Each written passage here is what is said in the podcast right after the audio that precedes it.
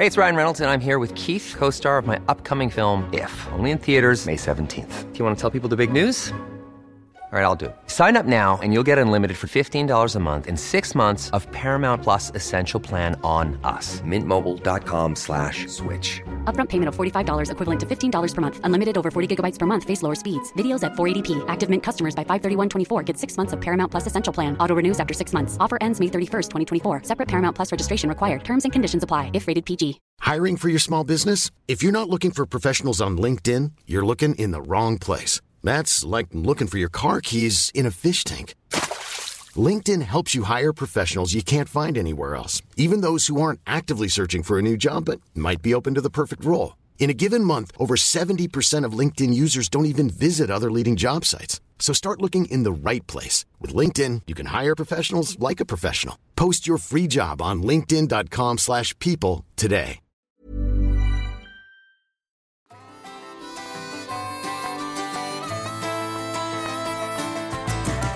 Hej och välkommen till Toppenjakt. Eh, Den tionde installationen av detta eh, konstprojekt som vi har initierat för att sprida ljus över den manliga struktur... Jag skojar bara. Eh, idag har jag med mig Lars och Pang-Anders. Hur är läget? Hej! Tjena, tja. Det är, det är jättebra. Superbra, det är måndag. Gud vad härligt att höra. Har ni jagat något? Nej, inte nå. Nej. Vi, gör, vi jagar inte längre. Vi spelar bara in podd. Nej. Ja, Har ni slutat jaga? Vi, vi, jagar, vi jagar dygnet på för lite sömn. Det är väl mest det man jagar nu för tiden. nej men eh, Varför har du sovit lite?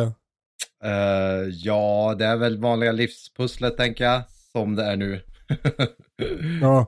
Jag känner mig också liksom, eh, jag känner mig typ lite utbränd. ja, du skrev det igår i chatten. Det är inget bra Kalle. Och att det här, Nej. vi har ju som vårt interna skämt att, att vi missar alla dagar och blandar ihop det. Det är väl ett varningstecken Kalle. Ja, jag, alltså, jag, jag har så jävla svårt att få in grejer, grejer som vanligtvis bara brukar vara i huvudet. Alltså typ som man gör upp, vi ses då och då så här.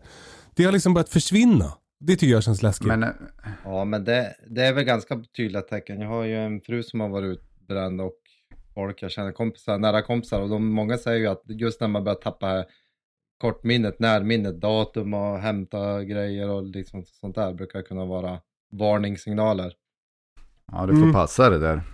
Eh, Jag tycker det är svårt att läsa av er, för ni är ju fruktansvärt, ni har ju varit sista tiden allihopa riktigt katastrofala på datum. Vi har ju försökt styra upp någonting här och jag, fan, ett tag tror jag att ni skämtar liksom. Men är det då på onsdagen? Nej, det var på måndag. Vilket datum är måndag? Alltså, vi har ju hållit på en månad och ni har fortfarande inte fått koll på fjärde, femte, sjätte maj liksom. Du menar som bäverjakten ungefär? Som inte Ja, alltså, Ja, vi, precis, det var ju så det började. Vi skulle åka och jaga bäver i Dalarna. Eh, Jag hade fått för mig att det var söndag till måndag. Det var fredag till söndag. Och alltså det, var, det tycker jag var liksom den första så här, varningsklockan för mig. Att jag, jag, liksom, jag fattar inte var jag hade fått det där för söndag till måndag ifrån. Det var att jag hade önskat det från början men sen har det varit jättetydligt att det var inte då. Men ja, så var det. Men så, det här med de här datumen du pratar om nu Wiklund, det är att vi ska försöka ses nästa vecka ju. jo, vi håller ju på att rodda en eh, bockjakt och lite grisjakt ju. Eh, men det är ju mycket att styra upp med det, med datum och när sker vad, vad sker när och coronaanpassat och vart bor vi och hur bor ni och hur bor vi och Eh, så att, men där har jag ju liksom försökt eh, hålla koll på det där. Och, och jag vet inte riktigt vad ni har hållit på med, men ni har ju varit riktigt dåliga på datumen alltså. Men Ja men vi har ju hållit på och roddat med den här podden och YouTube-kanalen och alla olika samarbeten. Och, så vi, vi får dela upp Ja. ansvaret för, för, vi har olika ansvarsområden. Du är datumansvarig. Ja, det... Ja, Det- men det, jag vet, det är det, din jag menar är, ja men så här är det, att jag, kan känna, man kan känna sig så här tjatig, förstår ni? Att man är, vad fan är det för jävla tråkig jävel? Jag bara, men har ni gjort det här nu? Har ni gjort det där? Har du, alltså då är det som att jag håller på att tjata på er. Förstår ni? Att jag kan känna mig tjatig som en tjatig kärring liksom, eller gubbe. ja men det, är alltså, det, så, det kanske du känner men då får du bara fråga oss. Och, och då, då säger, jag säger det är toppen. Alltså det är Det jättebra är att du jättebra tjatar. att du tjatar. Ja, vad bra. Fortsätt tjata, fortsätt vara den du är. Vi är ju inne på någonting nu eh, som, som vi har fått många frågor om. Och det är det här med eh, att vara medelålders man och underhålla sina eh, relationer. Mm. Alltså att ha kompisar när man börjar komma upp i åren som vi. Som vi. Vi, Eh, för jag tycker att det där är liksom, eh, det är just, eh, det, det måste man ju aktivt hålla på med som man. Det måste man väl som kvinna också. Jag, jag, nu, nu vet jag inte eh, riktigt hur, det är kanske är dumt att dela upp det sådär också. Men i alla fall, för, för, för mig och mina kompisar så verkar det som att om man inte passar sig så, så hörs man kanske inte så ofta. Och, och, och som du nu känner att du är tjatig och så, och så pratar man inte om det och så, så blir man isär så här. Liksom, eh, hur tänker ni kring det där? Ja, men jag håller med dig. För att det är som, det är konstigt att man ska dela upp det i manlig vänskap och kvinnlig vänskap. Och, men men eh, så här, jag tänker ändå att de eh, kvinnor har kommit så sjukt mycket längre i sina vänskapsrelationer än vad vi män har gjort på något sätt. Alltså att de vi har ju haft en tendens till att behöva binda upp det på någonting egentligen. Alltså nu har vi ju som Ja. jakten och då är det som, vi pratar ju 50% jakt liksom. Just det. Eh, Men, eh, men vi, jag tycker vi har glidit ifrån det där lite, att vi ändå har utvecklat den och, och Ja, men jag, jag tror att man, det finns några så stött, eh, som jag tror stöttestenar liksom i vänskapen. Det är ju dels att man vågar på något sätt eh, investera i den, som i alla, alla relationer. Men, men där kanske man har haft sina brister genom åren liksom. Och, och, hur menar du då? Vad betyder Nej, men det? att man, att man, ge, man, det låter som en klyscha nu, men att man, man ger mer av sig själv. Liksom att man, att man vågar prata om saker som man, eller våga, men att det finns liksom en tillit, att man vågar ge sig hän till relation, liksom Men, kompisrelationer. menar du att, vad, alltså att man öppnar sig och visar sina fula sidor och sådär? Är det Ja, men det är också här, äh, olika alltså, saker som har hänt eller jobbiga saker eller roliga saker. Att man aktivt måste som... Eh, ja, men allt ifrån att man måste höra av sig också. Alltså man måste ju ringa eller skicka sms. Äh, alltså, kanske man egentligen inte har någonting att säga, men att man ändå vårdar den eller liksom vattnar på relationen lite grann. Att, för det, ja, det, det har man ju haft, eller jag har haft det, och det känns ju svintråkigt att man har tappat relationer på grund av att det har varit typ en, en ja, envägskommunikation. Liksom. Jag har ringt, jag har ringt. Och så bara, vad fan, till och med sagt så här, men du ringer ju aldrig mig. Så bara, nej, det är för dåligt. Och sen eh, pågår det ett halvår till, och sen, men då ledsnar man ju till slut. Liksom. Ja.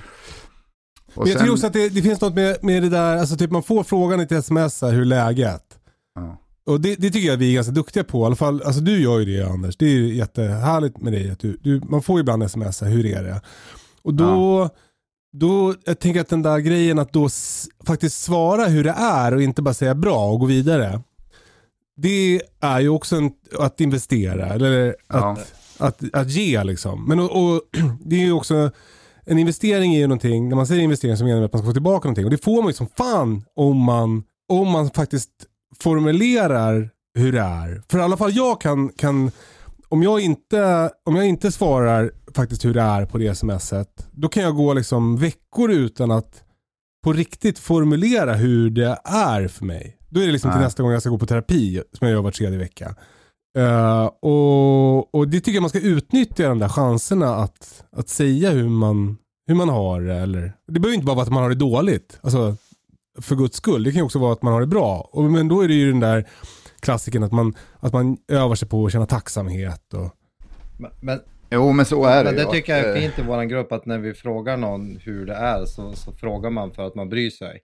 Och då Mm. får man också ett, ett, ett öppet svar tillbaka. Det tycker jag är svinhärligt. Och så som ni båda är inne på att om man liksom själv berättar hur det är, för, för livet är ju upp och ner.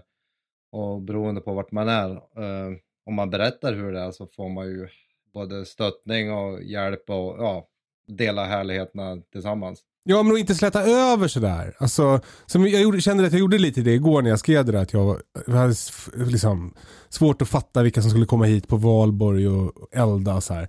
Så bara, jag är lite utbränd och så, så då, då skriver ni om, så här, är omtänksamma. Då, då är det som att jag, jag jag ändå ska försöka släta över lite för mig själv och säga, ja, ja, det är inte så farligt så här. Men att man kan då, att man kan göra den där övningen och vara noga med att säga till varandra så här, att man vill att man ska göra den övningen så här. Att, att, att, att säg på riktigt. Mm. Liksom. Jo, ja, det är svinviktigt. Och fråga inte om du inte orkar. Jag- ta svaret. Alltså, Nej. Ja. Jag tycker också det är härligt, nu är det säkert ingen skillnad på manlig eller kvinnlig vänskap, men eh, ibland hinner man ju inte höras så mycket av olika anledningar. Men, men jag, jag upplever i alla fall att även om de nära fina vänner man har, även om man inte har hört på länge, men när man väl hör, hörs av och tar, tar igen, så är det som, precis som det lämnar, även om det är gamla barndomsvänner och sånt där. Så tyck, tycker Ja. jag att det är så, så härligt, alla är sig själv, ingen har liksom, nu, nu är vi i övre medelåldern tänker jag säga, men jag tycker det känns så tryggt att ens vänner alltid är där, även om man inte hörs varje dag. Vissa hörs man ju med, vissa är liksom lite säsongsbetonade och sånt där, men att ens vänner alltid är där och är de samma. Ja, men det där tycker jag, det, det där tycker jag liksom är, är lite olika från relation till relation också. Ja. Alltså så jag med, med min kompis Magnus Pelve då, alltså han som inte sköt eh, älgtjuren för Nadja, som jag pratade om i förra avsnittet. Eh, han som är rädd skott. Ja, men vi Ja. har ju känt varandra sen, sen vi var 12, 13 typ. Och, och där är det verkligen så här att det, det, det, det bara är. Alltså det kommer aldrig, det, det, det, det, vi har alltid varandra. Vi kan inte höras ett tag och sen så ses vi och då är allt precis som vanligt. Liksom. Mm. Men, men jag tror Men- att man behöver de där, den där det, ti, att det är tiden i det där som gör att man så att man har varit med om att det har att man kanske har glidit isär lite och sen helt tillbaka till varandra. Så att man, man är van vid, vid de där, f, f, eh, vad ska man säga, ja, men dynamiken i relationen. Man ska säga. Mm. Men jag, jag tycker att det är skillnad. Uh, jävlar. Jag tycker att det är skillnad på nya vänskaper och de här vänskaperna som har blivit, vad, vad ska man kalla dem, de, de äldre som har blivit av för att man har blivit sammanförda på något sätt. Nästan. Mm. Alltså man har gått skolan ihop, man har spelat någon idrott ihop när man var liten och sen har man liksom byggt vidare på det. Den är ju inte lika, den behöver man inte underhålla lika mycket kan jag tycka. För den, där har man något annat att bygga upp, alltså man har en sån lång historia att bygga upp eh, relationen på så att den finns alltid där liksom. Jag har ju en, en kompis också, Christian, som jag liksom känt sedan jag var ja, men, tio år liksom. Och vi, har ju, vi hörs ju då och då, men den är ju alltid beständig liksom. Mm. Medan eh, nya vänner som man har fått när man har blivit lite äldre är ju, vad ska man säga, inte mer komplicerat, men det kräver mer av en. Kanske av, alltså underhålla dem och eh, jag vet inte, man kanske har blivit också mera eh, kräsen liksom. Mm. Eh, Jag, ja, jag och Lars hade ju en kompis som hette Sebban som tyvärr gick bort i en hjärntumör för några år sedan. Och jag och han hade ju alltid den här diskussionen om, jag hävdade att det var svårare att hitta vänner när man blev äldre än, ja, och han hävdade tvärtom liksom. Och, och, och jag vet inte, jag, kan, jag har nog faktiskt fel Ja. där, för jag har ju hittat jättemycket bra Jag är på, vänner jag väl- jag är på Sebbans sida där. Jo, jag är helt själv i det här. Att, ja, Men jag, det, jag håller med dig Wiklund där. För jag, jag tycker liksom att livet när man är ung, det, det lämpar sig mycket bättre att träffa nya människor. Livet när man är Ja. gammal, det är ju mer typ som, alltså, som att man sitter i husarrest. Men, men jag tycker kva, kvaliteten på vänner, om vi nu ska formulera Ja. det så, kvaliteten på vännerna, kanske också för att man själv är tryggare, när ju, ju, är- i alla fall jag, ju äldre jag blivit. Kvaliteten på vänner man träffar är mycket högre än liksom kvantiteten på vänner när man var ung. Mm. Jo. Men, och när det gäller att investera så, eh, jag gjorde en grej igår som jag Ja, men som var, jag var så här lite smögnöjd över. Det var, vi har en gemensam kompis som heter eh, Landin som vi jagar med också. Och jag vet att han har hållit på som fan och kämpat med att bryta ett nytt eh, trädgårdsland. Och Mm. eh, grävt dit gödsel och, och kört med jordfräs och, och eh, eldat gräset. Och, alltså, han har verkligen kämpat med det där. Och då tänkte jag så här, fan, det där, när man håller på att kämpa så här, då, då kan man ibland behöva höra liksom, att man har varit duktig. Så då smsade jag honom att jag tyck, var liksom stolt över hur hårt han hade kämpat. Jag visste det och att jag tyckte det var så jävla coolt och så här. Och, och då, så där tänker jag, det, det, så, vill jag så vill jag underhålla mina re- relationer också. Att jag, att jag försöker se liksom, mina kompisar. Och vi, har inte, vi är inte riktigt så tajta så att vi, vi hörs inte varje dag eller sådär. Men Jättefint. Nej, jag men tänker att det är så jävla värt att, att göra sådana där grejer. Och jag, jag vet inte vad vi ska tycka om det här eller vad jag ska tycka om det här, men jag måste säga att liksom i, i den tidsperiod vi lever i nu, alla, alla digitala kommunikationsmedel som vi har, alla WhatsApp-grupper eller sms eller vad det det underlättar ju tycker jag Ja. Eh, Bå- både att, lyssna på varandra och hålla kontakten och ge beröm och öppna sig. Och, ja, jag tycker att det är ju, är ju ett, ett, inte ett hjälpmedel, men det, det gör att man kan vårda relationen mycket bättre. Och så här ha en podcast är också Det är väldigt bra. ja men det är ju fan fantastiskt alltså. Ja, Ja, ja. men och och sen också kanske att uppleva grejer ihop. Mm. Bra och dåliga grejer stärker ju också relationen liksom. ja. Vänskapen. Eh, alltså det, det, det tycker jag är, är viktigt att poängtera på något sätt. Att man måste, man måste uppleva grejer ihop också för att det ska ha någonting att alltså, bygga på. Mm. Men, men om man lyssnar på det här och tänker så här, fan, eh, ja, hur gör, alltså, vad, vad är tipset? Hur gör man för att träffa nya polare när man är, när man är man och över 30? Det är som en eh, Amelia Adam mot alltså nu har vi, eh, ja men tipset är väl att man, man ändå på något sätt, även om, om man tittar på oss, så är ju vi ganska olika som personer allihopa, men vi har en gemensam, eller flera gemensamma saker som vi ändå är lika på, men, men man måste på något sätt, man kan inte träffa folk som är totalt olika än.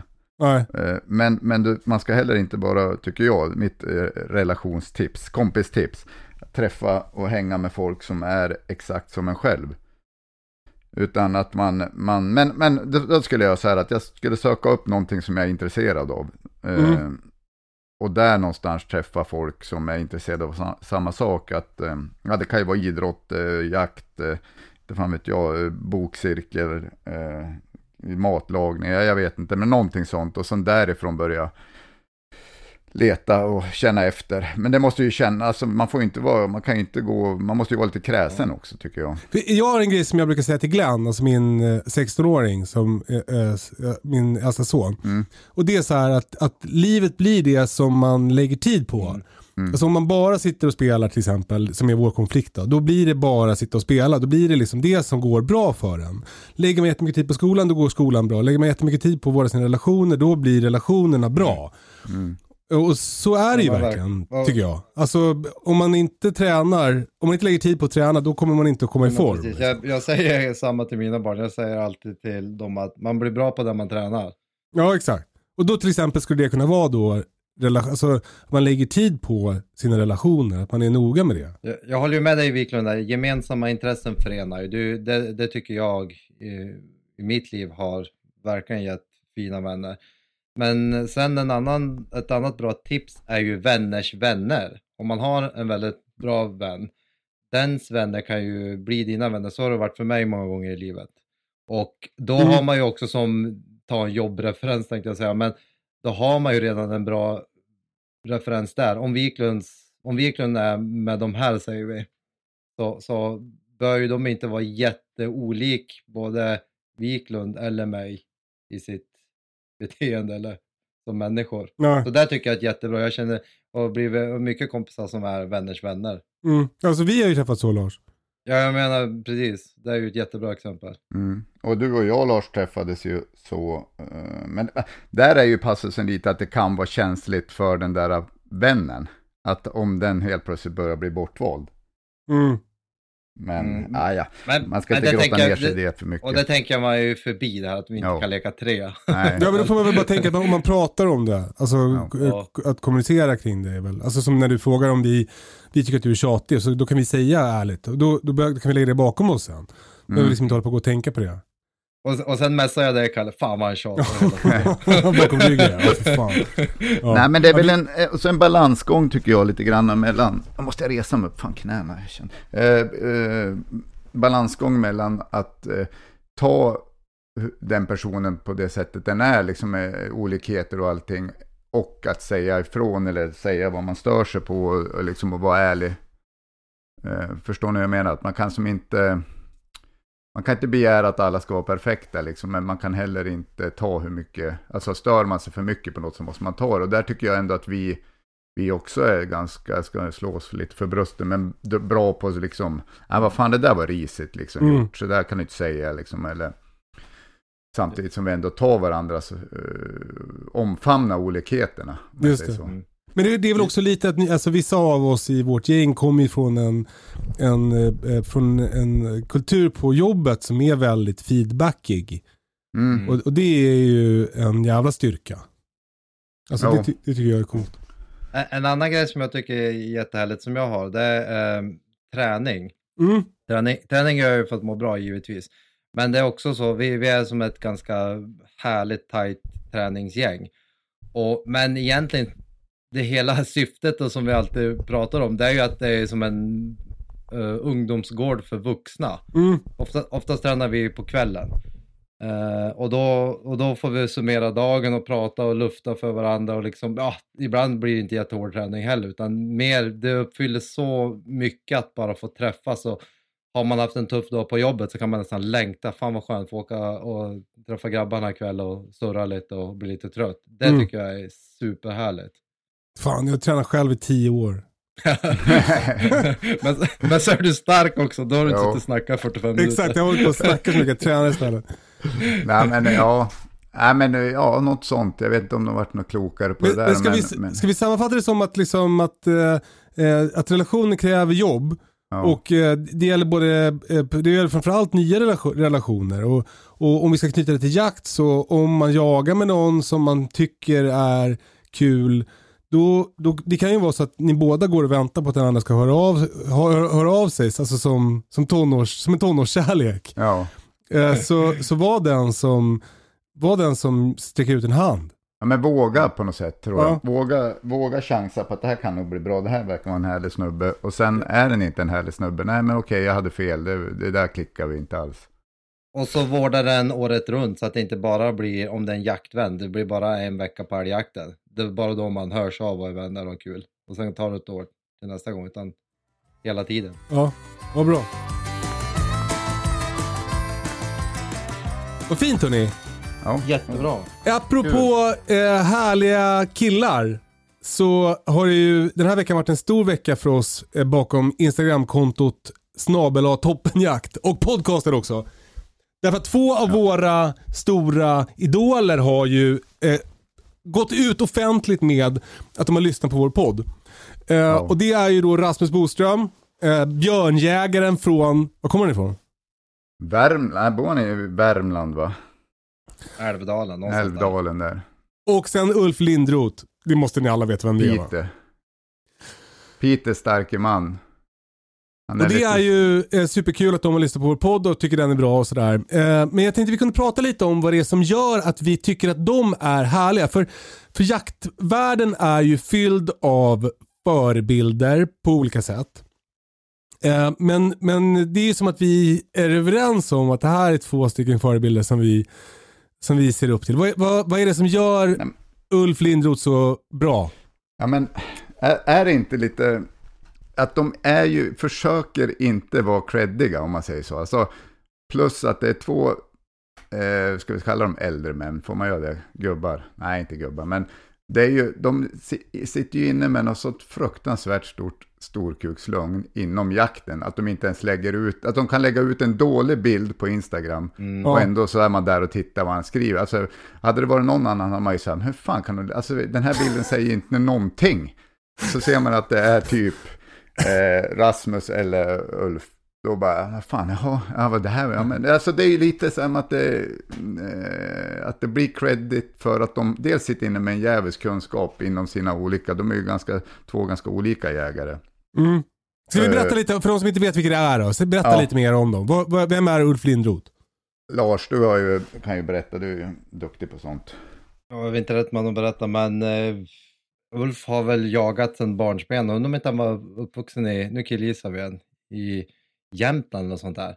Man har ju jagat med träskällare och toppfågeljakt och är väl känd för sitt rävlockande och ja, men all jakt. Nu är han väl på svensk eh, jakt tror jag. Gör mycket tester och, gillar utrustning och sånt där.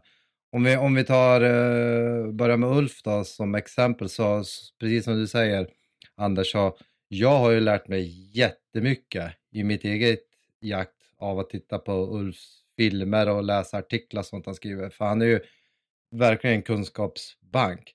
Sen, sen gillar jag jättemycket eh, både, både Rasmus och Ulf att de faktiskt säger vad de tycker, även om det går lite mot strömmen.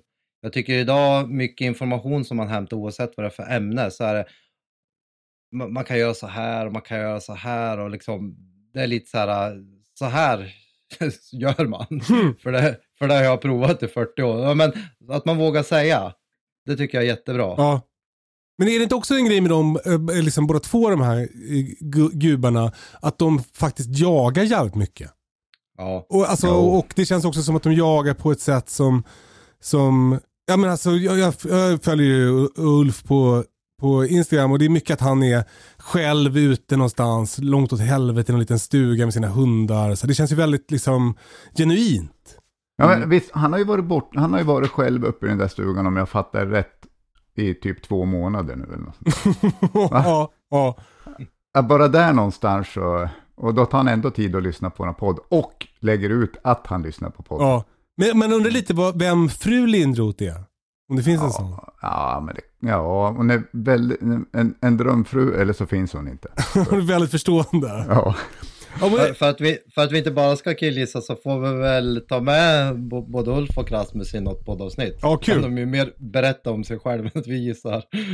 Vi har ju också gett dig, Lars, när du fyller 40, att du ska få åka och jaga med Ulf. Det sket sig på Ja. grund av corona gissar jag, men eh, Ja men precis, dels var det ju fullt hektiskt och så var det corona och sådär. Så jag tänkte jag ska återuppta det där kanske nu om det lugnar sig till, till vintern. ja, ja kul. Men, och Rasmus Boström då? Eh, eh, det är, eh, jag vet inte jättemycket, men han är ju en björn, han jagar ju björn mycket. ja men han måste ju vara björnjägarnas björnjägare. Alltså, tänker jag, eller? I Ja, men exakt. Ja. Vad har han för hundar? Han har, han har inte han några plotthundar? Jo, men exakt. Han har inte stä- ställande hundar som, som, som Nej. jag, men nej. Ja, men han också, eh, ja, jag vet inte, jag blir bara som imponerad av dem. eh, Att, eh, alltså han lägger, det är något gruslass han står och så här, eh, skottar och lyssnar peltorkåpor på. Alltså, det är ju inte en BMW med handsfree han sitter och lyssnar på toppenjakt, utan han står med några peltorkåpor, en spade och schaff, liksom, eh, skottar grus. Liksom. Just det. Och lägger upp när han ska eh, eh, rensa hundgårdarna på bajs efter vintern och så här. Ja, och Ja, det är ju inte. Audi Q7 på väg till godsjakt direkt. Nej, Precis. Och som du sa, var inne på Wiklund, att, att Rasmus har väl ish 200 jaktdagar på ett år. Men det, är inte, det, det syns ju inte. För att han har sånt lugn. Han behöver inte stå och fronta björnskallar liksom 100 bilder på Instagram utan ah, han är sig själv, trygg i sig själv. Ja, han, Eh, ja, Han är ju all, de är ju allt annat än vad Pang-Anders och Kalle Wahlström är. Ja, jag tänkte vi ska komma in på det.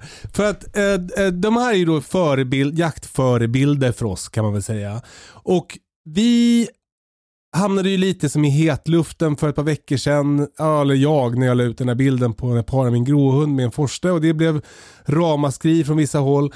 Och man får ju ofta det där att ni är en man har massa följare, då är man en förebild och sådär. Tänker ni någonting på att ni är att ni håller på att bli förebilder inom jakt?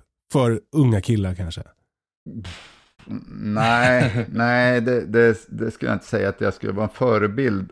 Jag tänker ibland så här att vi verkar ju vara lite så här inspirationskällor. Eller man ska Mm. kalla För det är många som skriver, ja, jag är så inspirerad, nu hade någon tagit jägarexamen och nu har någon gjort det på grund av att vi har hört det på, i podden. Och vi får ju mycket sånt och det är ju svinkul. Men nej, eh, nej jag ser mig inte som eh, en, en förebild. Det kanske är mer en skyddsmekanism också.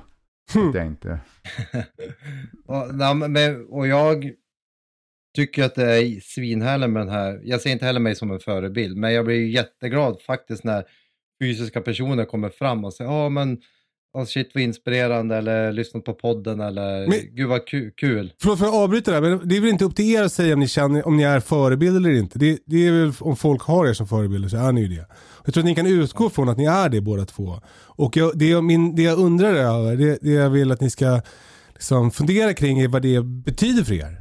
Alltså eh, förändrar det hur ni, ja, hur ni tänker? Mm, mm. Ja, men mm, eh, jag vill inte att det ska vara så. Men jag tror att man har börjat fundera lite mer på vad man, nu när vi liksom har växt lite och blivit större än vad vi var från början liksom, eh, på toppenjakt, så tror jag man tänker efter lite mer vad jag lägger ut. Eller om, vilket jag egentligen inte vill, men det är omedvetet så liksom kanske, jag vill inte bli liksom eh, att de ska putsa i kanterna på mig, men, men jag tror att det blir lite så ändå. Mm.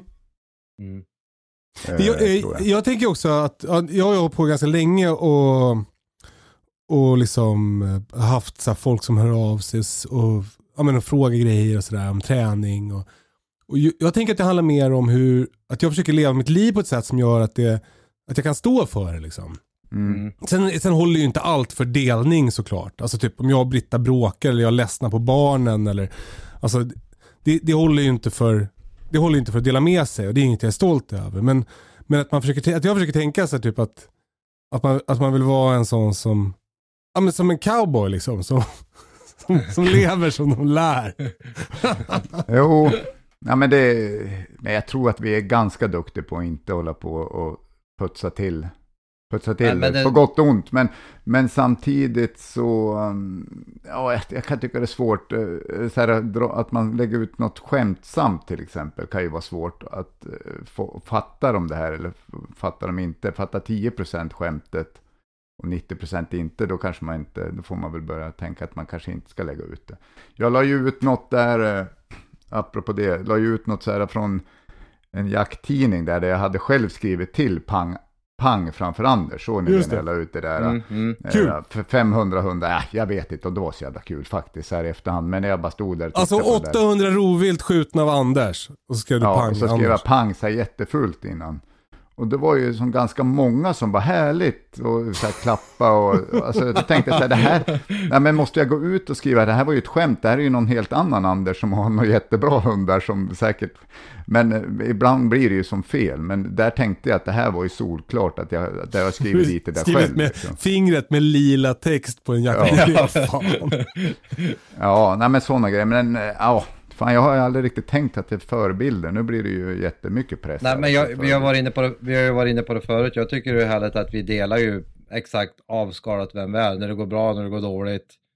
Hela den biten. Vi visar ju allt. Om, om, man, in, om man hade varit tvärsom då. Så hade vi ju bara putsat allting som vi har lagt ut. Bara när det går bra och tänker jag. Både i, som människa och jakt. Ja men fy fan vad tråkigt det skulle vara. Eller hur? Men, Men man, det är finns ju sådana konton också. Jo, jo. Och, och där är ju varken, om vi nu ska återgå till Rasmus och Ulf, så putsar ju inte de känns det som. Utan det, jag tycker det är ganska mycket nu att det, alltså, att det gått åt helvete för Ulf på, Ja. på rävjakten till exempel. Ja. Det verkar inte ha gått superbra. Men eh, det finns säkert anledningar till det. Men han döljer ju inte att det går dåligt heller. Men Nej hörni, Ja. eh, ska vi prata lite vapen istället eller? eh, det kan vi göra. Eh, jag är lite sugen på att köpa en 22 Mm. eh, För att jag eh, eh, eh, behöver det i, ja men dels för att typ så här avliva får, men också så tänker jag att jag vill liksom komma iväg och jaga ripa igen och sådär. Och eh, min fråga till, framförallt du Lars, du har ju en 22 som eh, skjuter väldigt bra. Mm. Eh, be- berätta om den. Eh, ja, jag har ju en 22 long rifle uh, växelsatsen till Blaser R8. Vi la, jag och Pang-Anders la ett avsnitt på YouTube om det, om man vill säga. Just det. Eh, den skjuter jättebra. Och eh, nu ska du få höra varför. Jag fick ärva, för länge sedan fick jag ärva en eh, 22 Hornet som jag började jaga. Jag sköt min första tjäder med den och började jaga med den. Jag, jag Magasin- vet inte vad skillnaden är på de här, du måste säga det till mig då. Ja, jag, kan, jag, kan, jag, jag är fel egentligen på kalibra, men Hornet är lite grövre. Okej, de här som ser ut som små eh, leksaksskott, det är 22 lång eller? Ja, Ja. LR, lång LR. Och så, och Just så det. finns det 22 Magnum och så finns det, ja det finns massa olika kalibrar. Men det här var i alla fall en Hornet. Och den sköt, en, en sak och den sköt lite sådär. Så han jag fick ärva den av eh, min svärmors eh, man som tyvärr inte är i livet, Henry. Eh, så det var jättefint av honom. Han lärde mig mycket om jakt också, så det var det är jag vet tacksam för.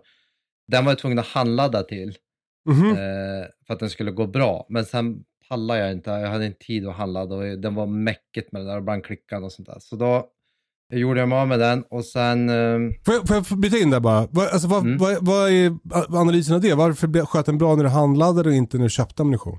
Jag vet, eh, 22 kan ju vara en sån kaliber som är lite känslig för att det är rätt data in. Jaha.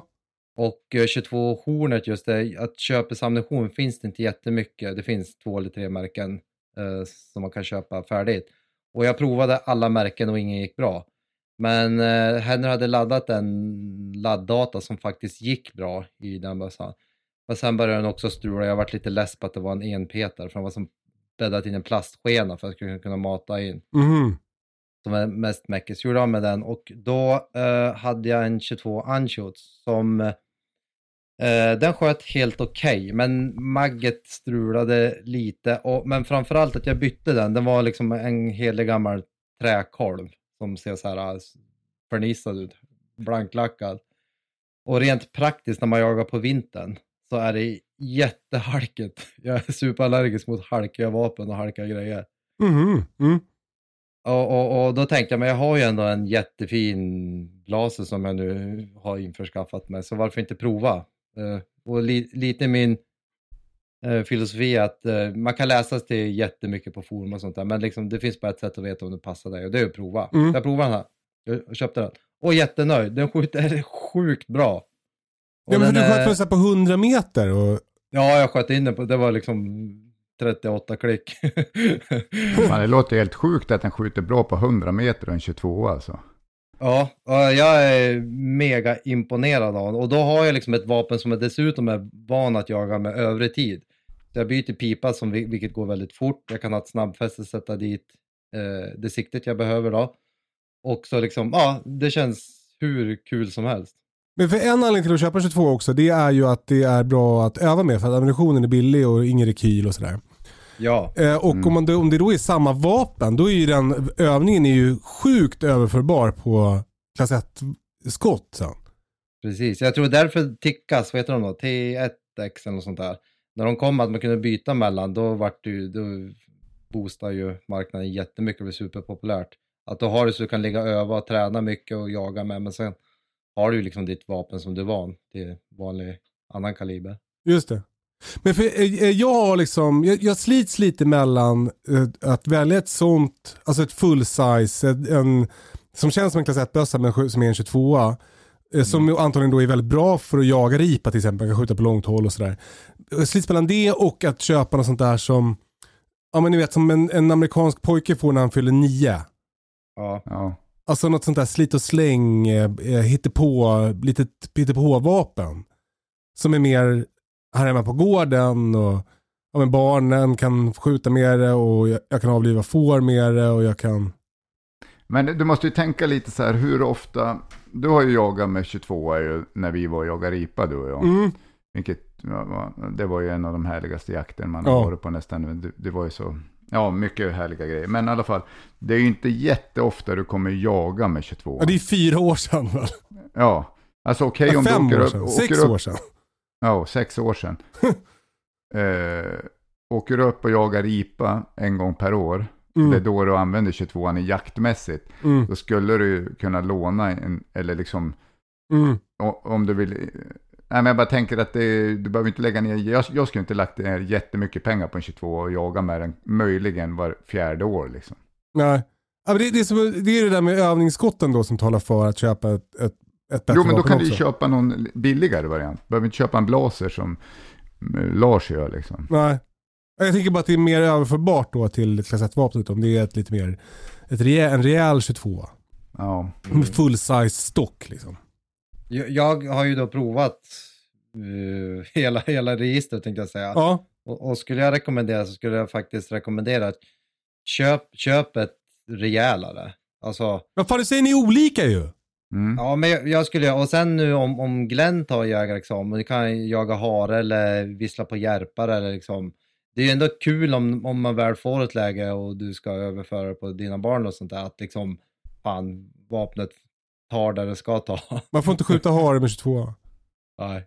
Precis, men han kanske skjuter något annat. Men då är det, måste du ställa dig frågan, vill du att han ska bli den där unga cowboykillen? Mm. Eller vill du att han ska bli en blasersnubbe? Du får, du får välja lite där. Ska, Du- ska vara två- du har djävulen och Lindroth eller ängeln ska vara, köra Audi Q7 till godsjakt? Ja. Men eh, hade du inte, du hade tittat på någon va, Kalle? Mm. Ja, det har jag gjort. Men jag kan inte riktigt bestämma mig. Jag har ju en 22 halvautomat ja. En låter Rem mysigt. Remington. Hur går dina tankar Kalle? Vad, vad väljer du mellan?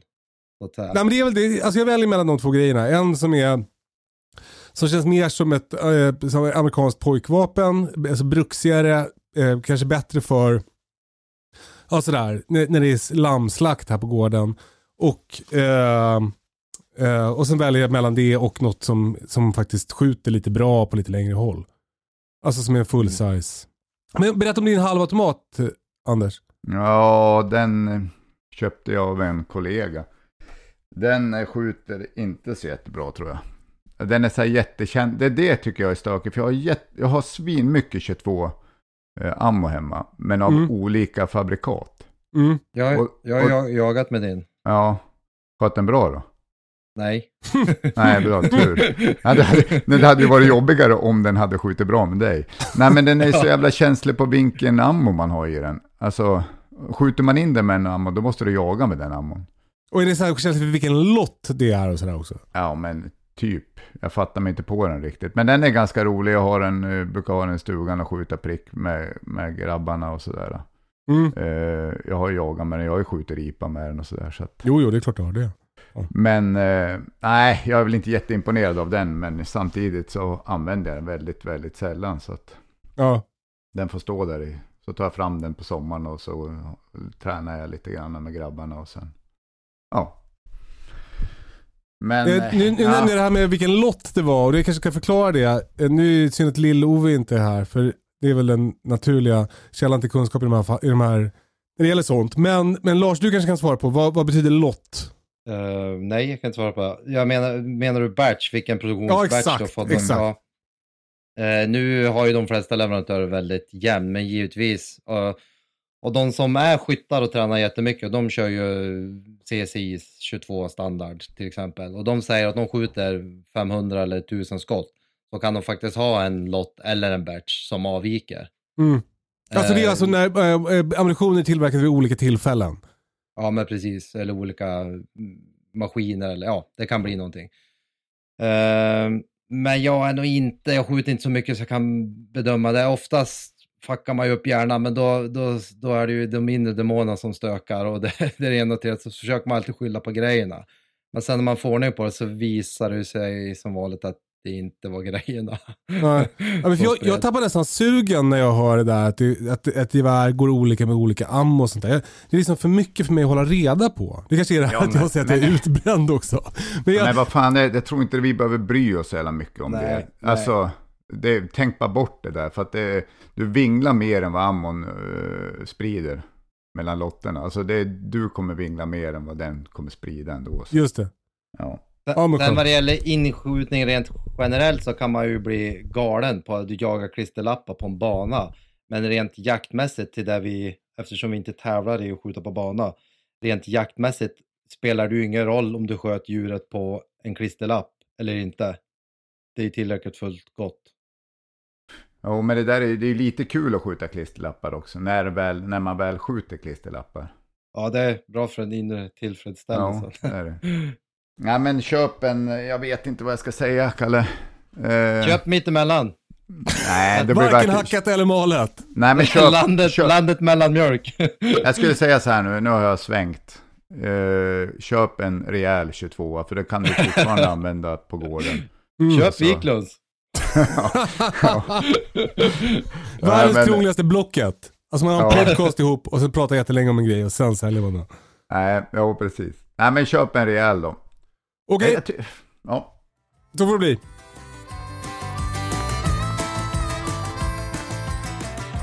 Eh, som sagt ska vi ses nästa vecka för eh, jakt eh, på vårbock. Och Mm, eh, nattjakt på vildsvin. Ja, det ska bli svinkul. kul. Har ni jagat vårbock förut? Eh, ja, det har jag gjort. Nej. Inte jag heller. Nej. Eh, eh, du som är eh, vårbockskonnässören då, eh, Anders. Eh, är du snäll och berättar, vad är vårbock och varför jagar man den? Ja, men jag ska försöka sammanfatta och då kommer det vara typ all min kunskap. Det kommer inte ta så jättelång tid heller. Vad gällande vårbock. Vårbocken kom till efter Tjernobyl. Mhm. Man ville då skjuta bort, eh, om jag fattar rätt, skjuta bort då bockarna så att det inte ska liksom vidareproduceras och liggas allt för mycket i, bo, i bockskogen eller rå, eh, rådjursskogen. Eh, och sprida det här becquerellen och det vidare, om jag fattar rätt. Ja. Och därav så är det då Uppland. Men det är 40 Gävleborg. år sedan. Det är, inte, de, det är inte samma bockar nu som då. Nej, men nu har det väl också, jag kommer till det, lugna Ja, dig. Okej, mm, ja. Då är det alltså Uppland, Gävleborg, Västernorrland, Västerbotten. Alltså Där de, är de där- mest hårt drabbade landskapen i Sverige. mm, precis. efter Tjernobyl. Ja. Eh, där drev ju molnet in och började regna där, speciellt över Gävleborg och eh, eh, Västernorrland så var det ju som hårt tryck. Eh, och då skulle man skjuta bort det där och då har det väl blivit en tradition nu att man får jaga vårbock där. Alltså jag, jag fattar inte heller riktigt nu varför. Eh, men då säger de ju att det gör ingen större skillnad på rådjursstammen att man jagar den här. Så att eh, det är varken till eller från. Okej, för jag trodde att det var att, att, det, att det finns skit i marken fortfarande som man inte vill att de ska hinna äta innan man skjuter dem så här. Men det är, det är inte det, utan det är en tradition bara. Ja men nu är har det ju blivit det. Förut, Ja. jag tänker att nu kan det väl inte spela någon större roll om man skjuter dem i maj eller om man skjuter, alltså. Ja, jag, det, jag vet inte riktigt, men jag tänker att nu har det blivit som en tradition att det ska vara vårbock och det har blivit en jakt i Sverige, i de här länen då. Så att det är svårt att ta bort den nu. Det är li- kanske lite, inte lika extremt som att ta bort eh, älgjakten i september och starta den i... Alltså, men, men typ att det, jag tänker att det är så. Har ni någon annan tanke kring varför den fortfarande är kvar? Eh, Jag, jag, Nej. jag googlar nu. Jag tror att det är som du säger Wiklund, att Och- det är en tradition, jakttradition som jägarkåren vill ha kvar och gör det in, varken från eller till så, ja. Nej, för jag hörde någonting, jag satt och pratade med en kompis, en inbiten rådjursjägare här uppe i Norrbotten här i helgen när jag var iväg, vi var, åkte skidor. Då satt han och snackade om att det, de ville ju införa det i fler län, vårboxjakten. Jägarförbundet ville det tydligen. För att det dödas fortfarande fler rå, rådjur i trafikolyckor än vad det skjuts rådjur. Mm. Kan det stämma? Ja, det låter rimligt. Så att jakten i sig påverkar inte rådjursstammen allt för mycket. Om jag förstår det rätt. Och framförallt inte bock, eh, bockjakten i maj. Men jag, jag låter det vara lite osagt, men det är vad jag har hört i alla fall. Men anledningen är Tjernobyl i alla fall. Och vi ska då ner och eh, träffas. Uh, om än lite så här eh, konstiga restriktioner. Det är ju inte läge att hålla på och sitta och kramas allihopa runt. Utan, men vi ska i alla fall trä- träffas och jaga ute ihop. Vilket jag tycker ska bli svinroligt. Alltså verkligen, jag tycker att det är, jag är helt så här spattig inför det. Mer än vanligt. Mm, mer än vanligt ja. Kul, kul. Från Ja, den första maj till den 15 juni jakt på vårbock tillåten i Uppsala län, Gävleborg, Västmanland, Västernorrland och Västerbotten. Detta har att göra med kärnkraftsolyckan i Tjernobyl år 1986 som har kommit att påverka oss än idag. Vinden som tog med sig ett moln med radioaktiva partiklar spreds spred sedan ut på delar av svenska ostkusten vilket gjorde att man senare upptäckte höga värden av becquerel i rådjuren inom den, de länen som hade påverkats av radioaktiviteten. Detta beror på att svampen som är en av rådjurens födor, fick höga becquerelvärden inom dessa områden. År 1990 kom dock jakt på vårbock i dessa län att tillåtas då man upptäckte att becquerelhalten i köttet är som lägst under våren då bockarna inte hunnit få i sig så mycket svamp. Det här, eh, jag gissar då att det är så fortfarande att de har högre becquerelhalter på, på hösten än på våren och att det är därför man fortfarande får jaga vårbock. Så kan det vara. Men Ja. jag var ju inte så fel. Det här måste ni ändå säga att jag låg ganska bra till. Ja, ja verkligen. Alltså det, är C, det är klassisk C-nivå. Mer förväntar vi oss inte av dig Pang-Anders. Nej, och ändå bara en ren killgissning liksom. Nej, det är Ja. det inte, men, nej, men det är en C, ja men det är jag nöjd med. Ja, ja. Ja, det är ändå bra. Ja, det ska bli kul att ses. Och det, eh, eh, det är ju också en väldigt härlig tid att komma ut. Det är därför bäverjakten är så härlig. För att man får komma ut de här magiska ljusa vårkvällarna med fågelkvittret. Och, och b- bockjakten är faktiskt lite, alltså den 16 augusti, vanliga eh, den becquerelfyllda eh, klassiska bockjakten eh, som jag ägnar mig åt. Det är ju det är en typ en av mina favoritjakter. Jag skulle kanske inte vilja hålla på med det liksom i flera månader men att det är så här begränsad tid runt premiären. Man smyger runt, man har koll innan, man, man går upp tidigt satan och smyger runt och, och ålar omkring och sådär. Det, det är sjukt mysigt och att få göra det nu verkar ju helt för bra för att vara sant nästan. Ja, ja, det, men det känns ju så himla härlig jakt också. Att man kan smyga runt och man kan sitta still. Och nu får vi se hur, hur mycket folk, eller om alla vi ska jaga samtidigt kanske det är svårt att smyga runt. Jo, jo. Men eh, vi har ju app, Weant kan vi kolla på och se vart vi är någonstans. Men ändå, då kanske man får mer sitta still. Men eh, det jag har en liten fundering på är, är den, är den helt okomplicerad bo- bockjakten, vår bock? Ja men berätta, vad tänker du? Nej, eh, jag, jag fattar inte, men jag har, fått, jag har förstått liksom att det kanske inte är helt accepterat i jägarkåren. Kan det stämma? Nej. Alltså eh, en grej som jag tänker på direkt är att just nu är ju rådjuren ute något satan på, Mm. på fälten. Ja. Alltså eh, ser du en vall? Alltså, jag körde ju från min gård till eh, där jag är uppväxt. Det är 8 kilometer. Jag såg 50 rådjur här på eh, där jag Ja. bor. Och det, det är ju helt sjukt mycket rådjur nu. Och så är det ju inte riktigt i, i augusti. Då är ju oftast brunsten över eller på gång att gå över.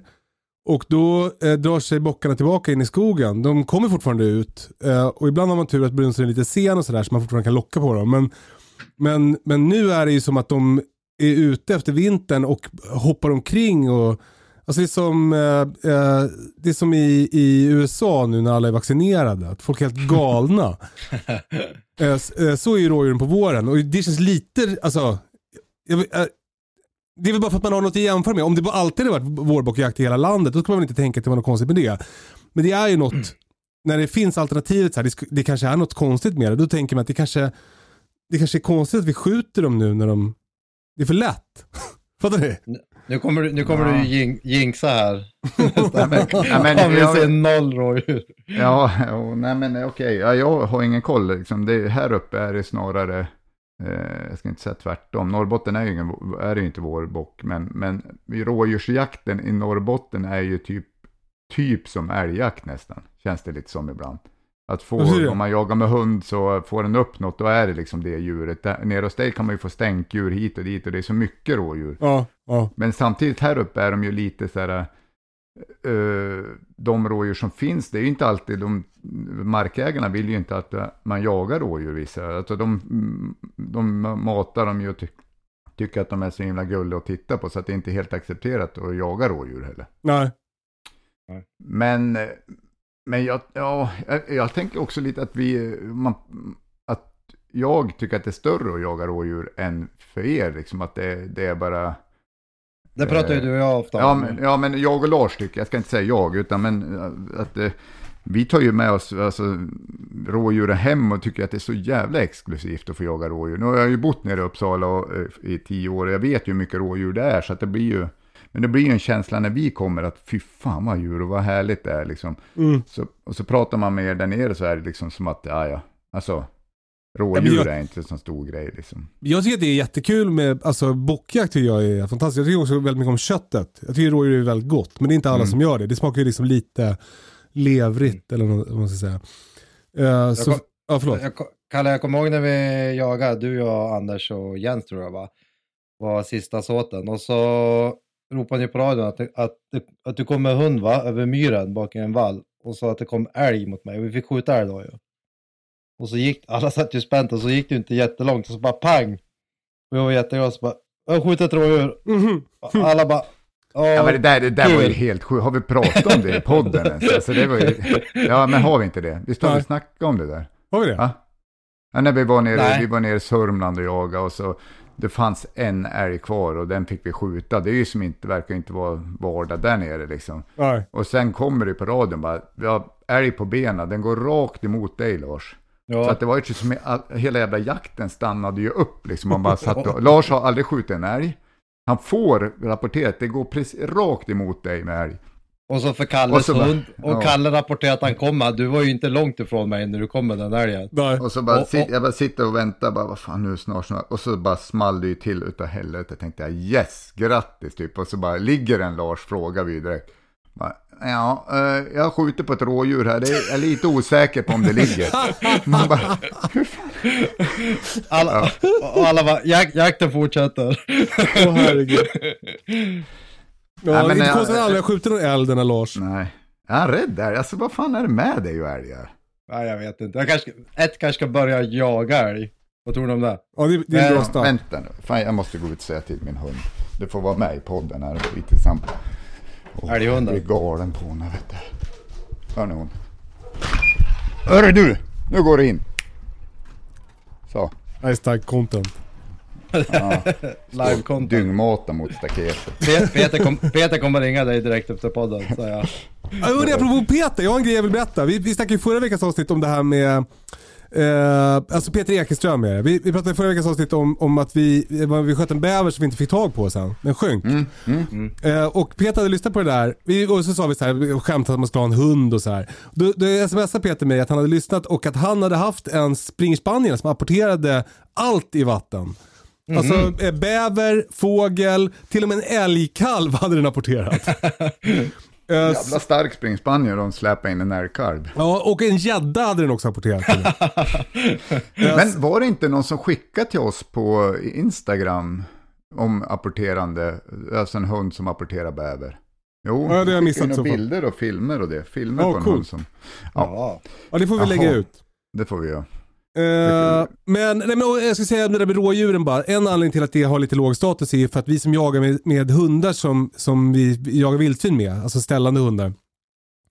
Eh, och, även stötande hundar, alltså de här korsningarna och så. De, vi vill inte att de ska jaga rådjur. Eh, så därför så tycker vi inte att det är så kul när, när det är mycket rådjur i skogen. För att det är svårt för hundarna att välja bort. Nej, men det förstår jag. Men Mm. jag tänker, då borde ju bockjakten vara en bra grej för er. Ja men är inte- verkligen. Ja, jag är för. Men, men jag fattar, och det där är ju lite frustrerande, men jag förstår ju helt liksom att rådjur skjuter vi inte och sen bara sprutar ut rådjur i skogen när man står liksom. Också rolig, också rolig historia Wiklund när vi jagade med Henkan. Och med en drever va? Vi jagade rådjur. Jo, Och, du, jo, och, jag, och jag satt ju på passet bredvid dig, du satt på hygget ovanför mig. Och så small det, och sen small det, och så small det, och så sköt du satan, jag vet inte hur många skott du sköt, två magg eller Nej någonting. men vad fan, så jävla många skott Ja, du sköt hur mycket som helst. Men du sköt gris. Ja, det kom. Det var faktiskt lite kul. Dreven drev, vi var uppe i Norduppland och jagade. Och så drev den och så stod jag på tyget, då kom det ju en hel... Det kom en tio grisar kanske så här springande då, som stänkdjur liksom från drevet. Och så Henkans farsa var ju med, han är så inbiten rådjursjägare, hatar gris. Alltså han är som rädd gris, han vill inte se han vill inte ta i dem liksom. Men ja, så jag dammade på de där grisen, jag fick ju ner en. Eh, och han bara kul, sa han på radion, kul, där small det. Mm. Jag bara, ja men jag skjuter så här, vad är det som ligger? Jag bara, en gris. Då var det bara tyst, han svarade inte på hela, på hela dagen, helt tyst. Han var så jävla besviken på mig alltså. Ja, men eh, ja, nog om det. Det var ju, men det är ju också lite, är ju grisjakt också nu när vi ska ner. Det är ju Just det, vi ska jaga på natten. Ja, det Mm. ska bli jävligt spännande. Vi, vi får berätta allt om det i nästa veckas podd. Ja. Eh, hörni, vi, vi är klara för idag. Ja, Eh, eh, om vi ska Tack skicka med lyssnarna någonting så är det underhåll era relationer, det är svinviktigt. Eh, köp en full size 22 och eh, vad ska vi ta med oss här från sista? Att vi skjuter inte gris för drever. Nej, Precis. precis. Och eh, in och kolla på Ulf Lindroth och eh, Rasmus Boström på Instagram och sådär om ni inte har gjort det. Gör det. Eh, eh, följ oss på Instagram, topp, snabel-a, toppenjakt. Snabel-a? Ja, det blir så. eh, maila toppenjakt gmail.com. Eh, ha det så bra, var snälla mot varandra. Puss och kram! Hej då, hej då! Hej då, hej då.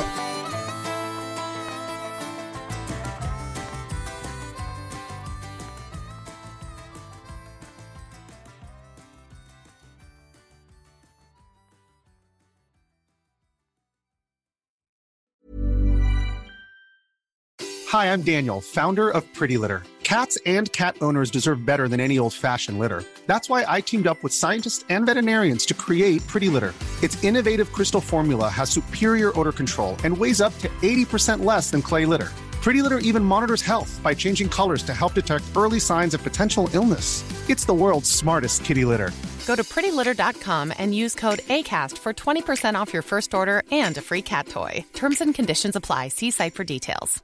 Mom deserves the best, and there's no better place to shop for Mother's Day than Whole Foods Market. They're your destination for unbeatable savings, from premium gifts to show-stopping flowers and irresistible desserts. Start by saving 33% with Prime on all body care and candles. Then get a 15-stem bunch of tulips for just $9.99 each with Prime. Round out Mom's menu with festive rosé, irresistible berry chantilly cake, and more special treats. Come celebrate Mother's Day at Whole Foods Market.